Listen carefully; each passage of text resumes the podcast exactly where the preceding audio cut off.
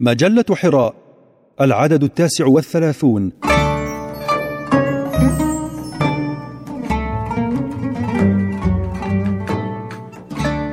دراسات إسلامية.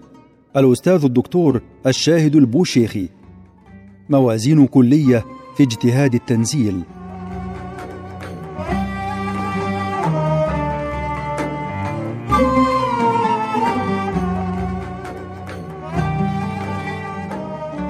هناك فرق بين الاجتهاد في الاستنباط العام وبين اجتهاد التنزيل.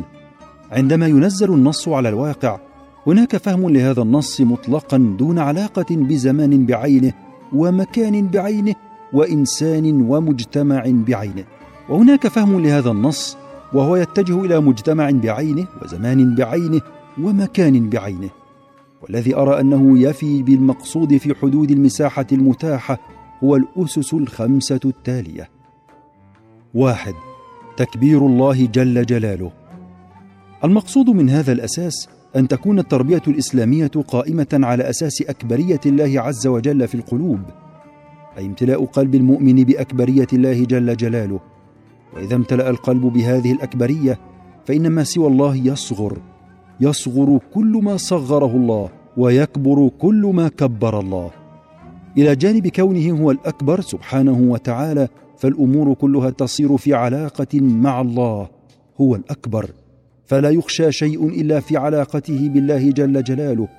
يخشى من الذنب يخشى مما خوف الله منه.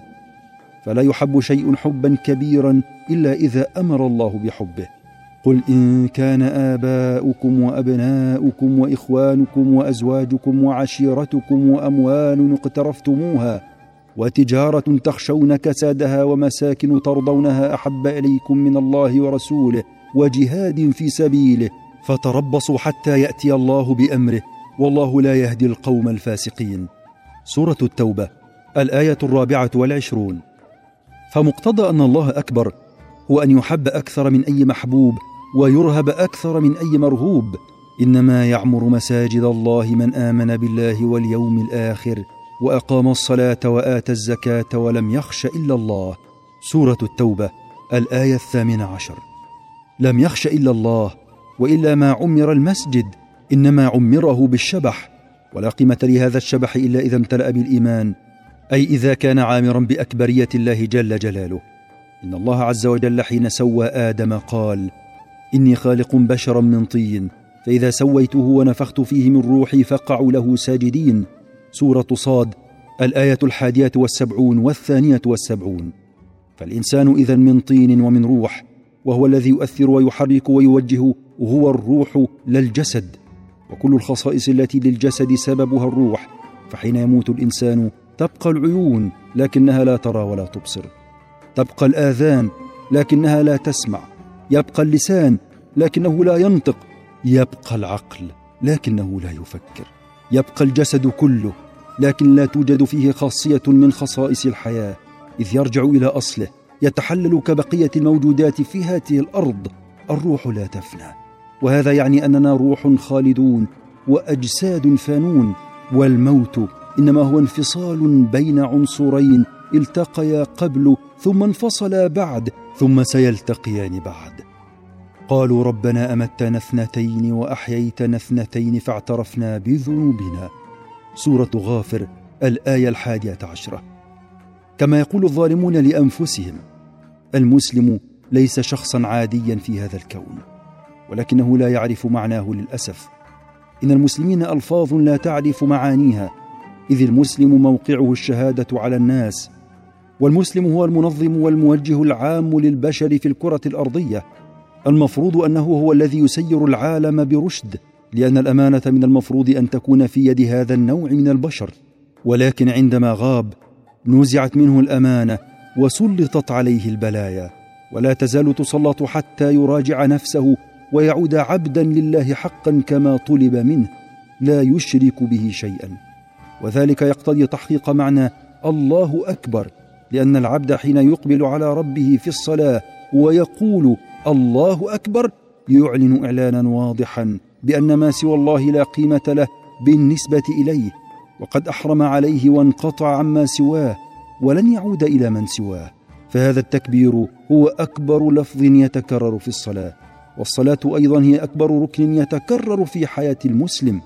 ومعنى ذلك أننا نكبر مع الله أشياء كثيرة وهذا المعنى لا يتقرر فينا بيسر ولذلك يكرر علينا كثيرا ونذكر به كثيرا ليستقر معنى تكبير الله جل جلاله.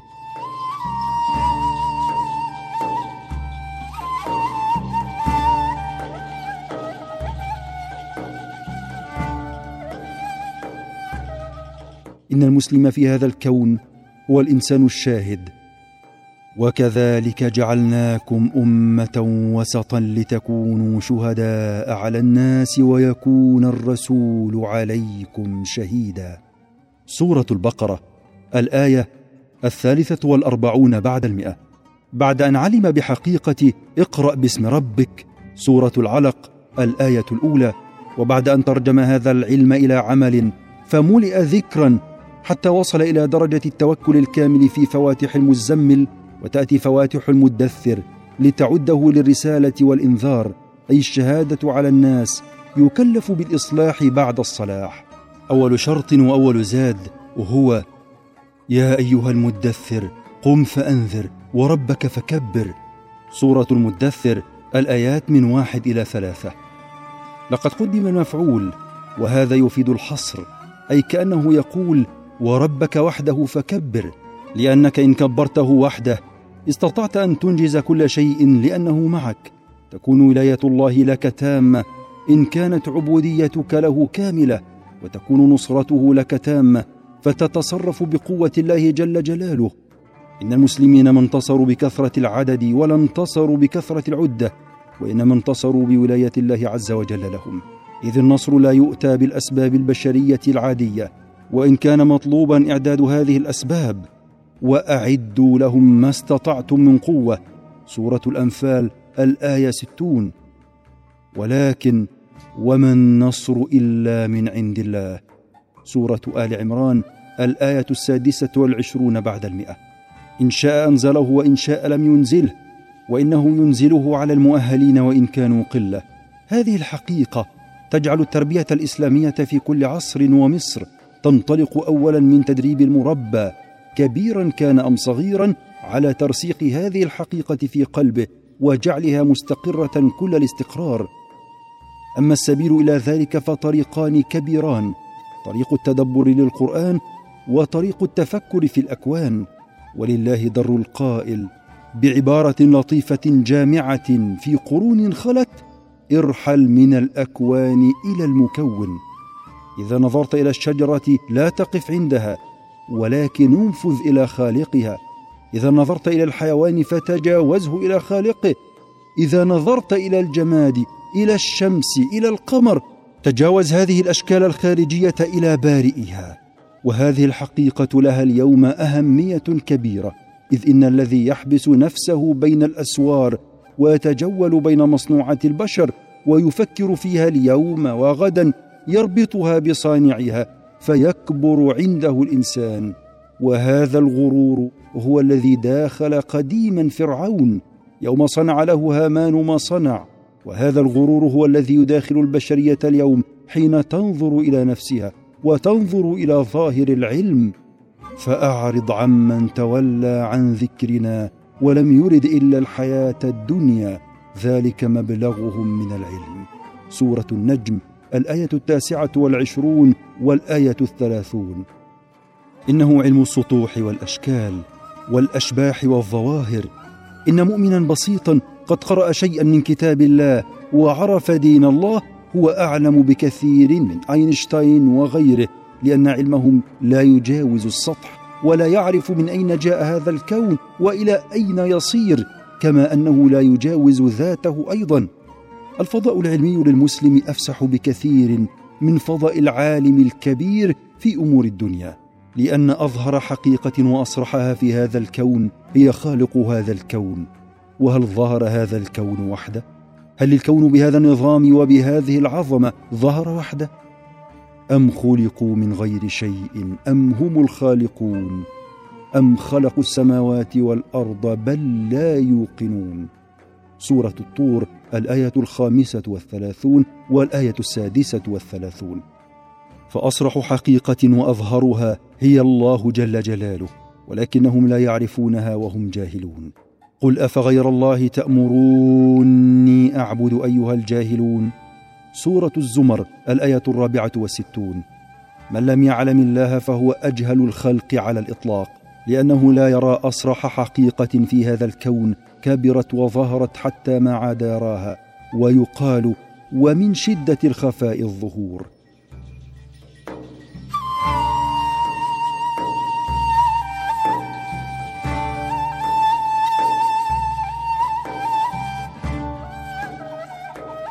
وترى الجبال تحسبها جامدة وهي تمر مر السحاب. صنع الله الذي أتقن كل شيء. سورة النمل الآية الثامنة والثمانون. انظر إلى الأرض. هو الذي جعل لكم الأرض ذلولا فامشوا في مناكبها. سورة الملك الآية الخامسة عشرة. الأرض تسير كالناقة الذلول. تجعل راكبها في غاية الاستراحة تجري لمستقر لها. كل شيء يطير في هذا الكون. لا شيء واقف ونحن عوالم في نقطة صغيرة. بالمكبرات تظهر عجائب وغرائب من كائنات فينا وحسبك الذرة وما فيها من نترونات وبروتونات والفضاء الموجود بينها. يقول العلماء لو أزيل الفضاء الموجود بين النواة في الذرة وما يدور حولها من هذه النترونات والبروتونات لصارت الأرض في حجم البيضة. فهذه الأجسام التي نراها كلها فضاءات. نظهر كأننا ملتحمون ولكن لو نظر إلينا بمستوى عال من المكبرات لوجدنا فضاءات خيالية يمكن أن تخترقها كائنات. اذا ينبغي التفكر في هذا الكون. إن في خلق السماوات والأرض واختلاف الليل والنهار لآيات لأولي الألباب. الذين يذكرون الله قياما وقعودا وعلى جنوبهم ويتفكرون في خلق السماوات والأرض. ربنا ما خلقت هذا باطلا سبحانك. سورة آل عمران الآية التسعون والحادية والتسعون بعد المئة. الذي يظن أن هذا الخلق باطل يقول فيه الله عز وجل ذلك ظن الذين كفروا فويل للذين كفروا من النار. سورة صاد الآية السابعة والعشرون. والقرآن عصارة الكون عصارة قوانينه وعصارة نظامه فينبغي أن يتدبر بالليل والنهار. لذلك يجب أن يحمل في الصدر ليقام آناء الليل وأطراف النهار لتدبره. كتاب أنزلناه إليك مبارك ليدبروا آياته. سورة صاد الآية التاسعة والعشرون. إنما أخرج هذا الكتاب أساسا ليخرج الناس من الظلمات إلى النور. هدفه واضح. قد جاءكم من الله نور وكتاب مبين يهدي به الله من اتبع رضوانه سبل السلام ويخرجهم من الظلمات إلى النور باذنه ويهديهم إلى صراط مستقيم. سورة المائدة الآية الخامسة عشرة والسادسة عشرة. وليصل العبد إلى ذلك الهدف الواضح يجب أن يتدبر هذا القرآن. وقد أنزل لهذا التدبر وأنكر علينا ألا نتدبره. أفلا يتدبرون القرآن أم على قلوب أقفالها؟ سورة محمد الآية الرابعة والعشرون. الطريق في غاية الوضوح. إذا تدبرنا هذا الكتاب أفضى بنا إلى تكبير الله جل جلاله. وإذا تفكرنا في هذا الكون أفضى بنا إلى تكبير الله جل جلاله بحيث نرى أن الله عز وجل هو كل شيء وبيده كل شيء وإليه يصير كل شيء. ولا يمكن لأحد أن يفعل شيئا دون إذنه وما تشاءون إلا أن يشاء الله. سورة الإنسان الآية الثلاثون. فلا يظن ظان أن الملك بيد كائن من الكائنات إنما الملك لله وحده. في الحديث الشريف يقول صلى الله عليه وسلم إن الله عز وجل يعطي الدنيا من يحب ومن لا يحب ولا يعطي الدين إلا لمن يحب. رواه أحمد. من كان يريد العاجله عجلنا له فيها ما نشاء لمن نريد. ثم جعلنا له جهنم يصلاها مذموما مدحورا. ومن أراد الآخرة وسعى لها سعيها وهو مؤمن فأولئك كان سعيهم مشكورا. كلا نمد هؤلاء وهؤلاء من عطاء ربك. وما كان عطاء ربك محظورا. سورة الإسراء من الآية الثامنة عشرة. إلى الآية العشرين. من أراد أن يكون عبدا صالحا فالله سبحانه وتعالى يوصله بإذنه إلى تلك المنزلة. إن يعلم الله في قلوبكم خيرا يؤتكم خيرا. سورة الأنفال الآية السبعون. الله سبحانه وتعالى يحب المسلمين. لذلك يسلط عليهم البلايا. وفي الحديث الصحيح من يرد الله به خيرا يفقهه في الدين رواه البخاري. وفي حديث آخر من يرد الله به خيرا يصب منه. رواه البيهقي. اي ينزل عليه المصائب فتكفر عنه الخطايا فيطيب فتستقبله الملائكة. سلام عليكم طبتم فادخلوها خالدين. سورة الزمر الآية الثالثة والسبعون. وفي حديث آخر يقول صلى الله عليه وسلم لا يزال البلاء بالمؤمن حتى يلقى الله وليس عليه خطيئة. رواه البخاري.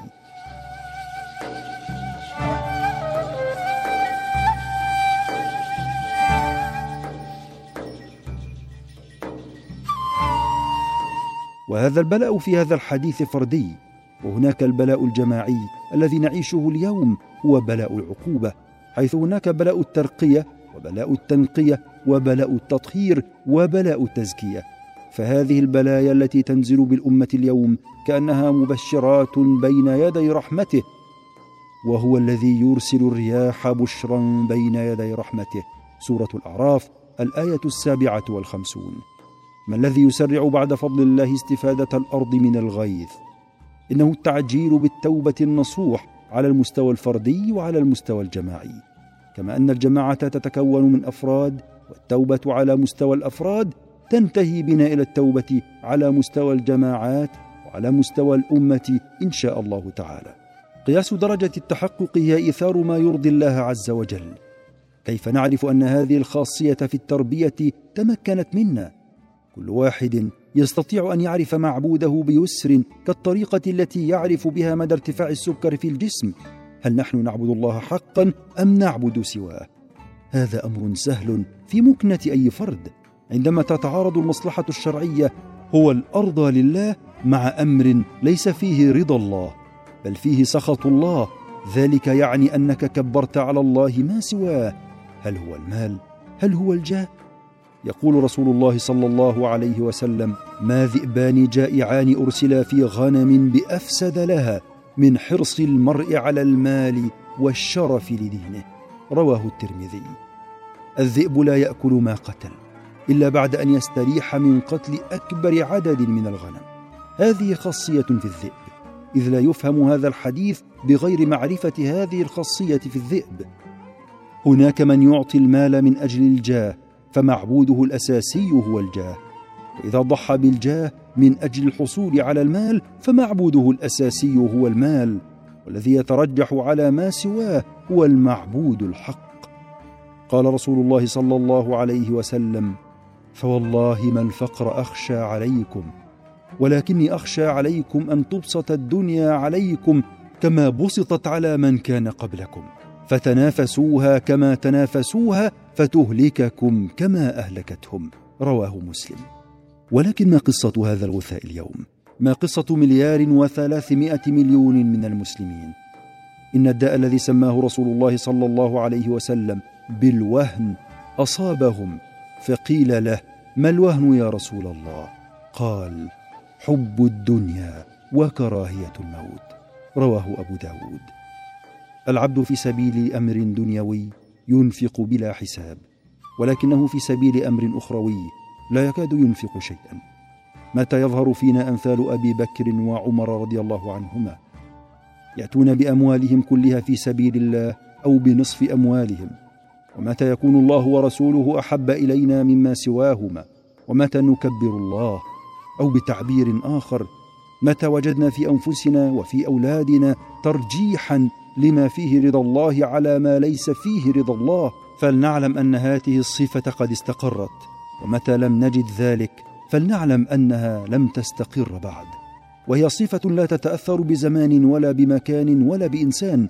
هذه الصفة هي الأساس وهي في علاقتها بهذه الأركان كعلاقة لا إله إلا الله محمد رسول الله ببقية الأركان.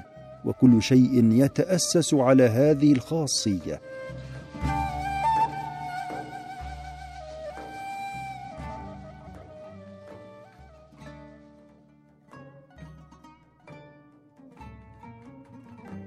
اثنان اتباع هدى الله جل جلاله. أين يوجد هدى الله؟ يوجد في الوحي في كتاب الله جل جلاله وفي سنة رسوله صلى الله عليه وسلم الصحيحة وإن هي إلا بيان للقرآن. فإذا قرأناه فاتبع قرآنه ثم إن علينا بيانه. سورة القيامة الآيتان الثامنة عشرة والتاسعة عشرة. وقد كلف نبيه ببيانه. وأنزلنا إليك الذكر لتبين للناس ما نزل إليهم. سورة النحل الآية الرابعة والأربعون. وظيفة رسول الله صلى الله عليه وسلم البيان. وحياته كانت بيانا باللفظ وبالفعل وبالإقرار لا يقر أحدا على الخطأ. هذه خلاصة السنة. فالرسول صلى الله عليه وسلم بين القرآن وكان خلقه القرآن. ما المقصود بالهدى؟ دلالته الإرشاد بصفة عامة وهو مثل الضوء ينير الطريق. إن هذا القرآن يهدي للتي هي أقوم. سورة الإسراء الآية التاسعة. ومعلوم أن اخسر طريق بين نقطتين هو الخط المستقيم. وهذا أقوم طريق. فيه معنى الله أكبر أيضا. أي إن هدى الله أكبر. قل إن هدى الله هو الهدى. سورة البقرة الآية العشرون بعد المئة. وقالوا كونوا هودا أو نصارى تهتدوا قل بل ملة إبراهيم حنيفا وما كان من المشركين. سورة البقرة الآية الخامسة والثلاثون بعد المئة. الهدى محصور ها هنا ولكن لا استفادة من هذا الهدى دون الوسائل التي تمكن من تحقيقه. اذا ما وسيلة تحقيق هذا الهدى؟ عندما نقول الهدى نقصد الهدى في الأمور الفردية الذي يتعلق بالأحكام الفقهية التطبيقية التفصيلية. أي تعرف كيف تتوضأ وكيف تصلي وكيف تزكي كيف تمارس حياتك. تعرف أن معرفة الحكم الشرعي في العمل الشخصي يعتبر فرض عين لا فرض كفاية. والمعلومات الأخرى العادية التي تتعلق بمهن الآخرين وحرفهم في حقك تعتبر فرض كفاية وفي حقهم تعتبر فرض عين. فيوجد الهدى في هذه الفروض العينية وفي الفروض الكفائية وفي النوافل والمندوبات والمستحبات. كما أن هناك هدى أكبر وأعم من هذا الهدى حيث ينشئه ويؤطره ويرشد إليه. وهو الهدى التصوري العام الهدى العقدي في اصطلاح تاريخ العقيدة. وإلا فالأمر يتعلق بمضمون لا إله إلا الله محمد رسول الله. ومضمون لا إله إلا الله إخلاص العبودية لله سبحانه وتعالى لأن الإله في اللغة العربية هو المتعلق به رغبة أو رهبة فأله الطفل أمه تعلق بها أشد التعلق ومنه الوله كذلك فالذي يجب أن يتعلق به رهبة ورغبة هو الله جل جلاله ومن ثم ينبغي إزالة الشوائب حيث لا يبقى في الشيء غير ما هو الأصل. إذا أخلصت الذهب بوضعه على النار أي فتنته فتن الذهب في النار أي وضعه في النار لإزالة الشوائب منه أي ليخلص. وهذا يعني أن الإخلاص هو إخلاص العبودية لله أي إزالة جميع شوائب الشرك وهو مقتضى لا إله إلا الله. اذا لتحقيق معنى اتباع هدى الله على مستوى التصور العام ينبغي على العبد التفكر والتدبر وفق هدى الله سبحانه وتعالى. أي يستنبط الهدى في كل ذلك من القرآن والسنة. فأسلمة العلوم تدخل في هذا الإطار وهي من اتباع هدى الله الذي يجب تربية العبد عليه كان كبيرا أم صغيرا. والطريق إلى ذلك قرن العلم بالعمل. لا يعد العلم علما ما لم يصحبه عمل.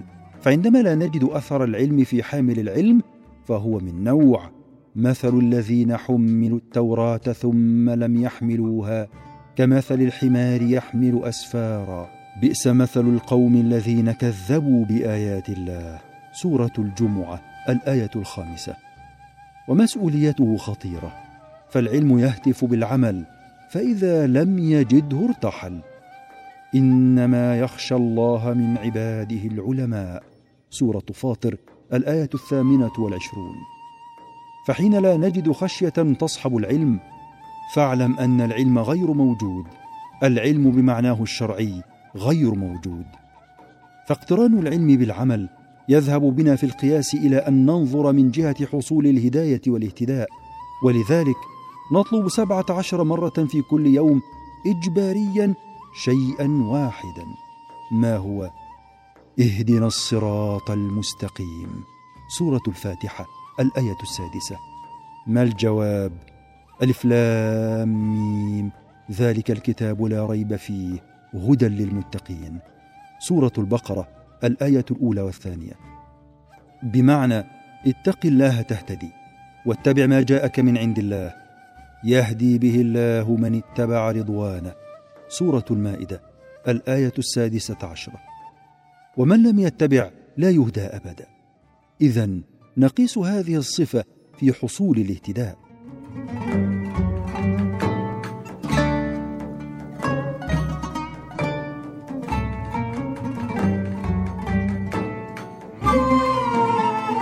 ثلاثة تقديم الفرائض على النوافل. في الحديث القدسي الصحيح يقول الله عز وجل من عادى لي وليا فقد آذنته بالحرب وما تقرب إلي عبدي بشيء أحب إلي مما افترضته عليه رواه البخاري. والفرائض فيها فرائض الفعل كالصلاة والزكاة والصيام وفيها فرائض الترك كترك الخمر والزنا والربا وعقوق الوالدين. ما يزال عبدي يتقرب إلي بالنوافل حتى أحبه فإذا أحببته كنت سمعه الذي يسمع به وبصره الذي يبصر به ويده التي يبطش بها ورجله التي يمشي بها. ولئن سألني لأعطينه ولئن استعاذني لأعيذنه. رواه البخاري. اذا الطريق معبد لمن يريد الوصول ولكن يجب الاتباع والسير في هذا الطريق وفق نظام هو عبارة عن سلم للأولويات والطفرة قد تؤدي بك إلى الحفرة. نظام الأولويات في هذا الدين في غاية الأهمية وهو جزء من اتباع هدى الله لأن كثير من صور الخلل في تاريخنا وفي واقعنا ترجع أساسا إلى التشوه الواقع في أولويات هذا الدين. هناك من غلظ أنف هذا الدين وهناك من غلظ يده اليمنى وهناك من غلظ يده اليسرى هناك من غلظ الجذع فشوه خلقة الدين للدين نظام. الزمن يقسم بطريقة معينة. عندما لا تجد عبادة مفروضة بين الصبح والظهر على سبيل المثال فاعلم علم اليقين أن ذاك وقت الكسب ووقت العمل وليس وقت النوم وليس حتى وقت الصلاة. وعندما تجد أوقات الصلاة تتقارب فاعلم أن الأمر يتجه وجهة أخرى وتنظيمها على نظام معين. العشاء في وقت الشفق وفي السنة يكره الكلام في غير ذكر الله عز وجل بعد صلاة العشاء. اللهم بارك لأمتي في بكورها رواه الترمذي. لابد أن ندخل في النظام العام حسب ما نظمه الإسلام في نظام الزمان ونظام المكان ونظام الإنسان والتجمعات الإنسانية.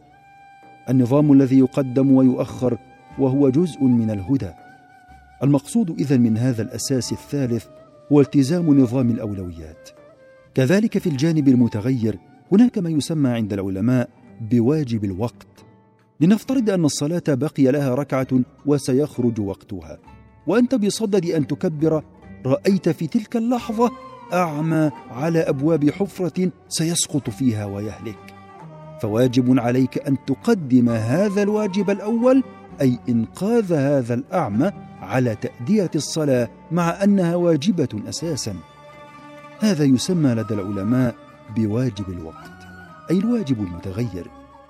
معرفة النظام العام يسهل السير.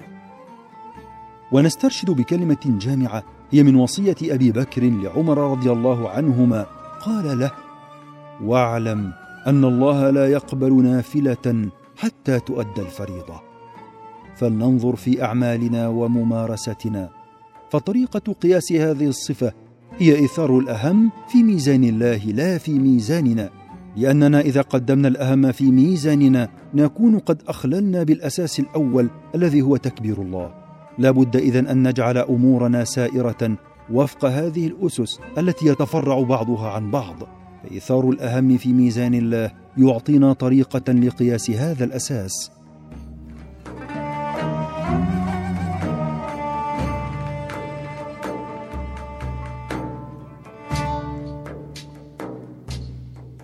أربعة. الإحسان في كل شيء.